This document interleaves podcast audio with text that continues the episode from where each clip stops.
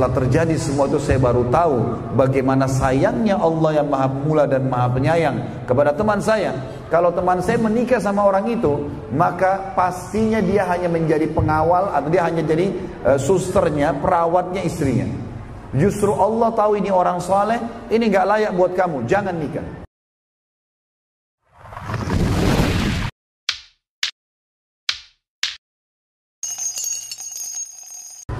Sebenarnya seorang mukmin teman-teman sekalian sudah memiliki doa.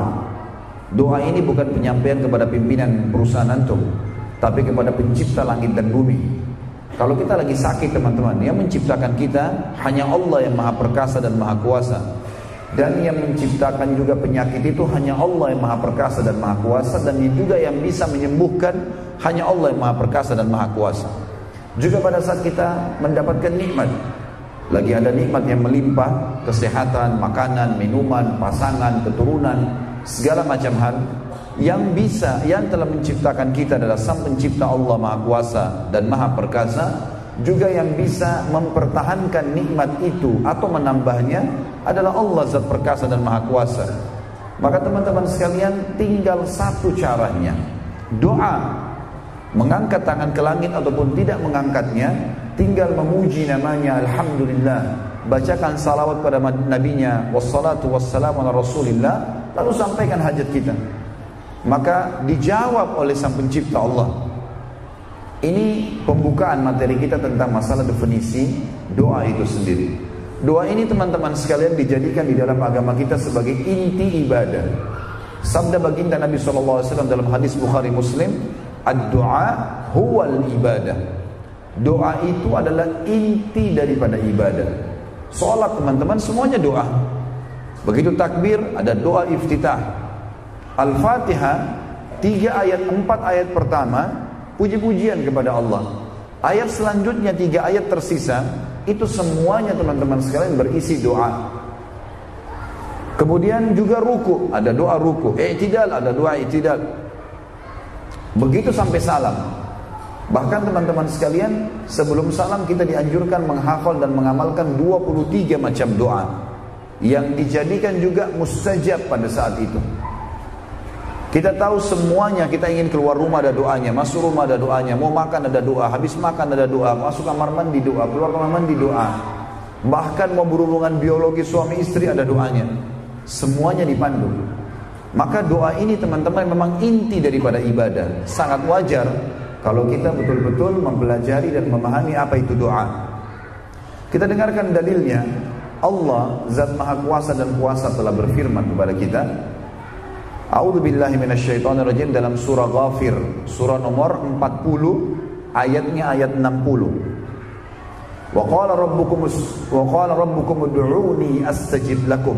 Innal ladzina yastakbiruna 'an ibadati sayadkhuluna jahannama dakhirin dan Tuhan Muhai Muhammad dan Tuhan kalian telah menyeru memastikan ya, bahwasanya berdoalah kepadaku pasti aku akan karuniakan jawab kuperkenankan buat kalian. Ada janji di sini berdoa pasti diterima. Sesungguhnya orang-orang yang sombong tidak mau berdoa kepadaku maka mereka akan masuk ke dalam neraka jahanam dalam keadaan hina dina Teman-teman sekalian ada sebuah pepatah bahasa Arab yang sangat baik dan bijak mengatakan Jangan kau minta kepada makhluk. Yang kalau kau minta padanya Manusia maksudnya Yang kalau kau minta padanya Maka dia akan marah. Kalau kita punya hajat teman-teman Kita datangi satu manusia Kita minta pertama Satu kali Dua kali Tiga kali Sepuluh kali Dia akan marah nanti. Ini orang kok minta-minta terus Kata penyair ini, jangan kau minta pada makhluk yang kalau kau minta padanya dia akan marah. Tapi mintalah kepada zat Allah Azza wa Jal ya, yang kalau kau tidak minta justru dia marah. Diambil daripada hadis riwayat Tirmidzi dan Hasan Sahih hadis ini, man lam yad'ullah yaghdab alaihi. Orang yang tidak berdoa sama Allah, justru Allah marah padanya. Kenapa dia tidak berdoa?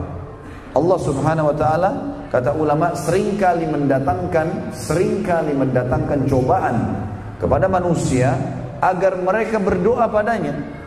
Tujuannya sebenarnya itu. Tujuan utama cobaan yang datang selain ada poin kedua, poin ketiga untuk membersihkan dosa dan yang lain-lainnya teman-teman, maka target utamanya adalah bagaimana seseorang itu bergantung dan berdoa kepada Allah. Baik, ada poin-poin yang saya ingin jadikan sebagai inti judul-judul ya. Sebagai bahan muhasabah. Yang pertama teman-teman, fahami dulu kalau doa itu adalah ibadah. Maksudnya, antum lihat hasilnya di dunia atau tidak lihat hasilnya, dia ibadah. Sama dengan sholat, sama dengan jihad, sama dengan haji, sama dengan antum puasa. Kita laksanakan, tapi belum tahu hasilnya. Doa sama. Harus kita pikirkan teman-teman kalau doa itu adalah ibadah. Lihat hasilnya atau tidak, tetap kita akan panen pada hari kiamat. Jadi tidak ada doa yang sia-sia. Walaupun belum kelihatan. Terlebih lagi doa itu adalah alat komunikasi antara seorang hamba dengan Allah Subhanahu wa taala. Ini masalah yang pertama. Poin yang pertama yang harus direnungi kalau doa adalah ibadah. Rutinkan saja terus. Jalankan sebagaimana antum rutin sholat, jalankan sebagaimana rutin segala-galanya kita kerjakan. Yang kedua teman-teman, doa yang kita panjatkan pada saat diijabah oleh Sang Pencipta Allah itu melalui tahapan penerimaan doa. Begini maksudnya, dengarkan hadis Bukhari. Kata Nabi SAW, saya langsung terjemahkan saja, tidak ada seorang muslim di muka bumi yang berdoa kepada Allah kecuali Allah akan menjawabnya. Hanya saja melalui salah satu dari tiga tahapan. Yang pertama, yustajab lahu, langsung dikasih pada saat itu. Minta sembuh disembuhkan, minta kaya dikayakan, minta menikah dimudahkan dan seterusnya. Atau kata Nabi SAW, yusraf anhu Orang ini diselamatkan dari musibah yang akan menimpa dia. Atau yuddahar lahu yaumal qiyamah. Disimpankan yang dia panen dalam bentuk pahala pada hari kiamat. Dalam sebuah athar yang sahih disebutkan, baginda Nabi SAW bersabda, Hari kiamat nanti akan ada orang-orang yang datang teman-teman sekalian membawa bergunung-gunung pahala. Lalu mereka bingung dari mana pahala ini? Mereka sempat berkata, dari mana pahala ini? Bertanya kepada para malaikat. Lalu mereka berkata, para malaikat itu, ini adalah pahala doa-doa kalian yang belum kalian terima jawabannya di dunia. Maka diterima dalam bentuk pahala yang besar bergunung-gunung hari kiamat. Lalu apa kata Nabi SAW? Semua orang-orang itu yang menerima pahala bergunung-gunung berharap berharap pada saat itu agar semua doa doa mereka di dunia belum dikasih jawabannya agar mereka menerima dalam bentuk pahala yang besar pada hari kiamat.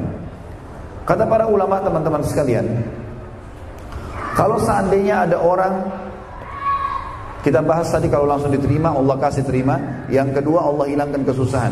Kata para ulama diambil nukil dari perkataan Ibnu Qayyim rahimahullah, kalau ada seseorang mengatakan misalnya anaknya sakit, lalu dia berdoa, selama 10 tahun dia berdoa, Ya Allah sembuhin anak saya. Ya Allah sembuhin anak saya. 10 tahun dia berdoa. Lalu kemudian dia berhenti berdoa Karena beralasan Allah belum menerima doa saya. Buktinya anak saya tidak disembuhkan. Kata ulama ini pemahaman yang keliru. Karena sebenarnya kalau dia tidak berdoa selama 10 tahun Anaknya akan lebih parah daripada penyakitnya yang sekarang. Justru doanya telah membuat tertahan di situ Atau dihilangkan musibah yang lebih berat dan juga hikmahnya nanti akan kita bahas lebih jauh teman-teman sekalian. Kalau ada seseorang yang kelihatannya doanya belum diberikan maka pasti pasti ini dipastikan teman-teman sekali lagi dipastikan Allah menginginkan kebaikan dari belum diberinya pada saat itu. Nah akan kita jelaskan poin itu setelahnya tentunya. Pada saat Allah Subhanahu wa taala begini memahaminya, pada saat Allah Subhanahu wa taala teman-teman menerlambatkan jawaban doa di dunia, itu karena Allah lebih tahu mana yang terbaik buat kita. Ibaratnya seperti anak, misal antum punya anak, anak ini mau berteman sama satu orang, orang ini kita tahu buruk akhlaknya, narkotika lah, berzina lah, orang yang buruk. Kita tahu ini sebagai orang tua, anak kita pamit, ayah, ibu, abi, umi izinkan saya keluar, bisa nggak? Saya mau keluar sama si fulan. Kita tahu temannya ini buruk, Kira-kira antum izinkan nggak? Padahal anak kita kita sayang kan? Dia juga mau berteman sama teman-temannya, tapi karena kita tahu keburukan, kita nggak izinkan. Kata Ibnu Qayyim rahimahullah, Allah Azza wa Jal bila hambanya merengek meminta padanya dan belum dikasih, Allah tahu kalau ini dikasih buruk buat dia. Akan jadi masalah buat dia. Saya akan kasih contoh di sini supaya teman-teman paham. Di Saudi teman-teman ada satu kejadian nyata. Dan ini disampaikan oleh salah seorang dokter di Ummul Qura. Beliau mengatakan ada temannya melamar seorang wanita dan wanita ini sudah sangat cocok dengan dia. Secara fisik dia sudah nazar, melamar diterima, tiga bulan lagi akan menikah. Ini kisah nyata dari Saudi. Pada saat teman-teman sekalian sudah diterima lamarannya dan tiga bulan lagi akad nikah, dia sudah sangat gembira. Orang ini kata dokter ini, dokter Muhammad kebetulan namanya, beliau mengatakan Orang ini sangat soleh, ibadahnya bagus. Saya tahu benar kata dia. Orang ini teman dekat saya. Tapi waktu dia sudah diterima lamarannya, tiba-tiba tanpa sebab, sebulan setelah diterima lamarannya, tinggal dua bulan lagi nikah, tiba-tiba dibatalkan sepihak oleh si perempuan itu. Ditanya oleh dia kenapa sebabnya, gak ada jawaban. Orang tuanya perempuan pun sudah malu. Nanya anak perempuannya, jawabannya pokoknya saya tidak mau sama orang ini ayah. Harus batal pernikahan. Kenapa? Kasih uzur supaya ada jawaban. Pokoknya saya nggak mau. Tiba-tiba saya rasa nggak suka sama orang ini. Berjalan teman-teman dua bulan kata dokter Muhammad. Beliau mengatakan orang ini setiap hari antara azan dan iqamah kalau lagi sholat di masjid bersamaan dengan saya.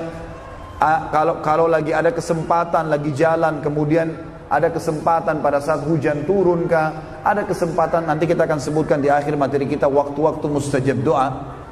Dia selalu meminta ya Allah merengek kembalikan perempuan ini, saya suka sama dia, jadikan jodoh saya. Merengek seperti anak kecil. Kata dokter Muhammad sampai waktu saya dengar doanya, karena dia teman dekat saya selalu sama-sama di mobil, selalu sama-sama sholat berjamaah di masjid.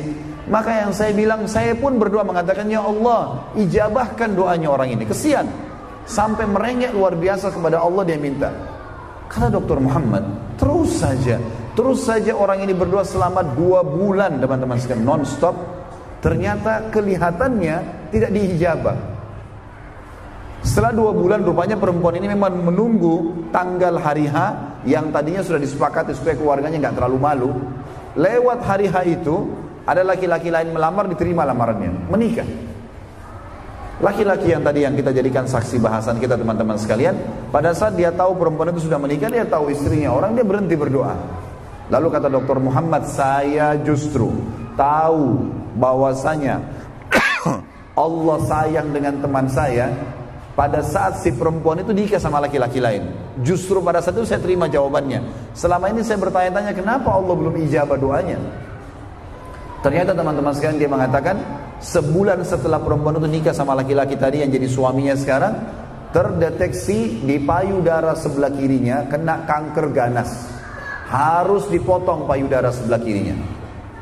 Berjalan dua bulan pernikahan payudara sebelah kanan juga kena kanker itu harus dipotong dalam dua bulan tidak punya payudara. Ini kisah nyata. Bulan ketiga teman-teman sekalian urat saraf bagian kepala otak perempuan ini bermasalah berpengaruh pada penglihatannya buta matanya. Dan bulan keempat perempuan ini meninggal dunia.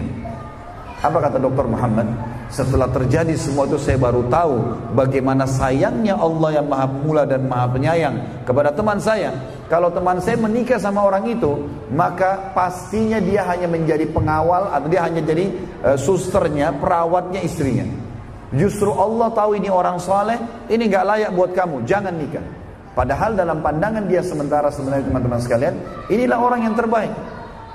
Lihat bagaimana Allah Azza wa menolak karena Allah lebih tahu.